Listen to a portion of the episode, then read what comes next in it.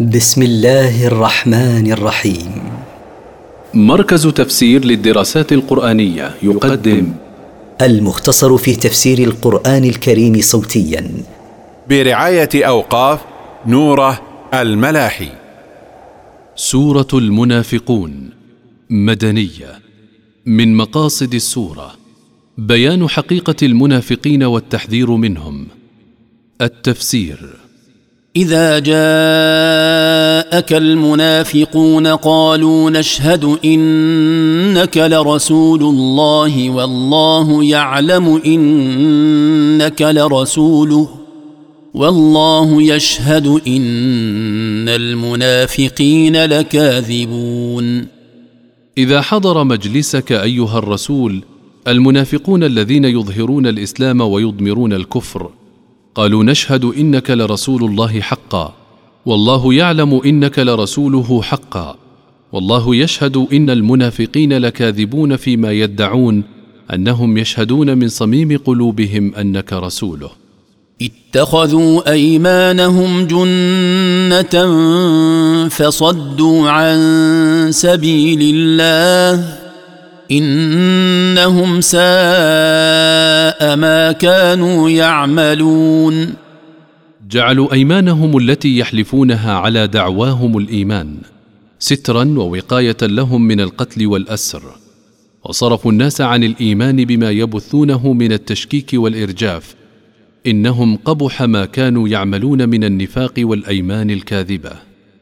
ذلك بأنهم آمنوا ثم كفروا فطبع على قلوبهم فهم لا يفقهون. ذلك بسبب أنهم آمنوا نفاقا ولم يصل الإيمان إلى قلوبهم ثم كفروا بالله سرا فختم على قلوبهم بسبب كفرهم فلا يدخلها إيمان فهم بسبب ذلك الختم لا يفقهون ما فيه صلاحهم ورشدهم. وإذا رأيتهم تعجبك أجسامهم وإن يقولوا تسمع لقولهم كأنهم خشب مسندة يحسبون كل صيحة عليهم. هم العدو فاحذرهم. قاتلهم الله. أنا يؤفكون.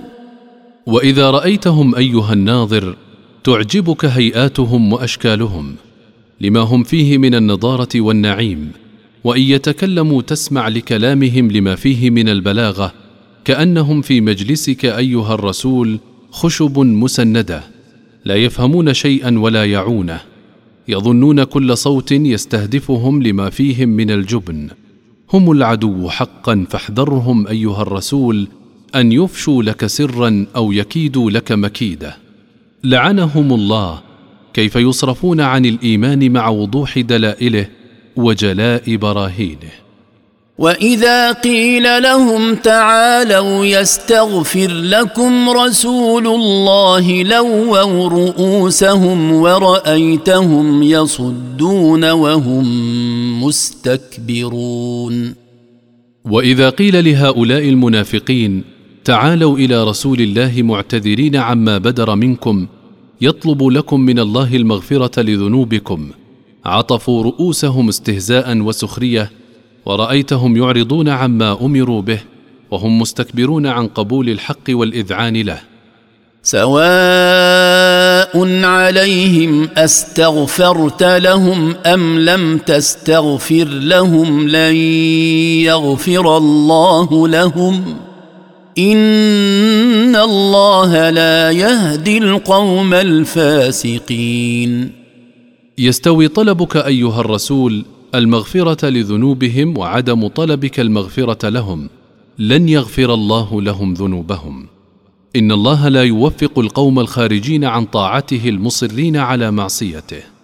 هم الذين يقولون لا تنفقوا على من عند رسول الله حتى ينفضوا.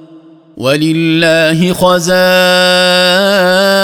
السماوات والأرض ولكن المنافقين لا يفقهون هم الذين يقولون لا تنفقوا أموالكم على من عند رسول الله من الفقراء والأعراب حول المدينة حتى يتفرقوا عنه. ولله وحده خزائن السماوات وخزائن الأرض يرزقها من يشاء من عباده.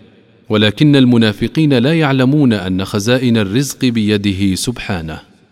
يقولون لئن رجعنا إلى المدينة ليخرجن الأعز منها الأذل.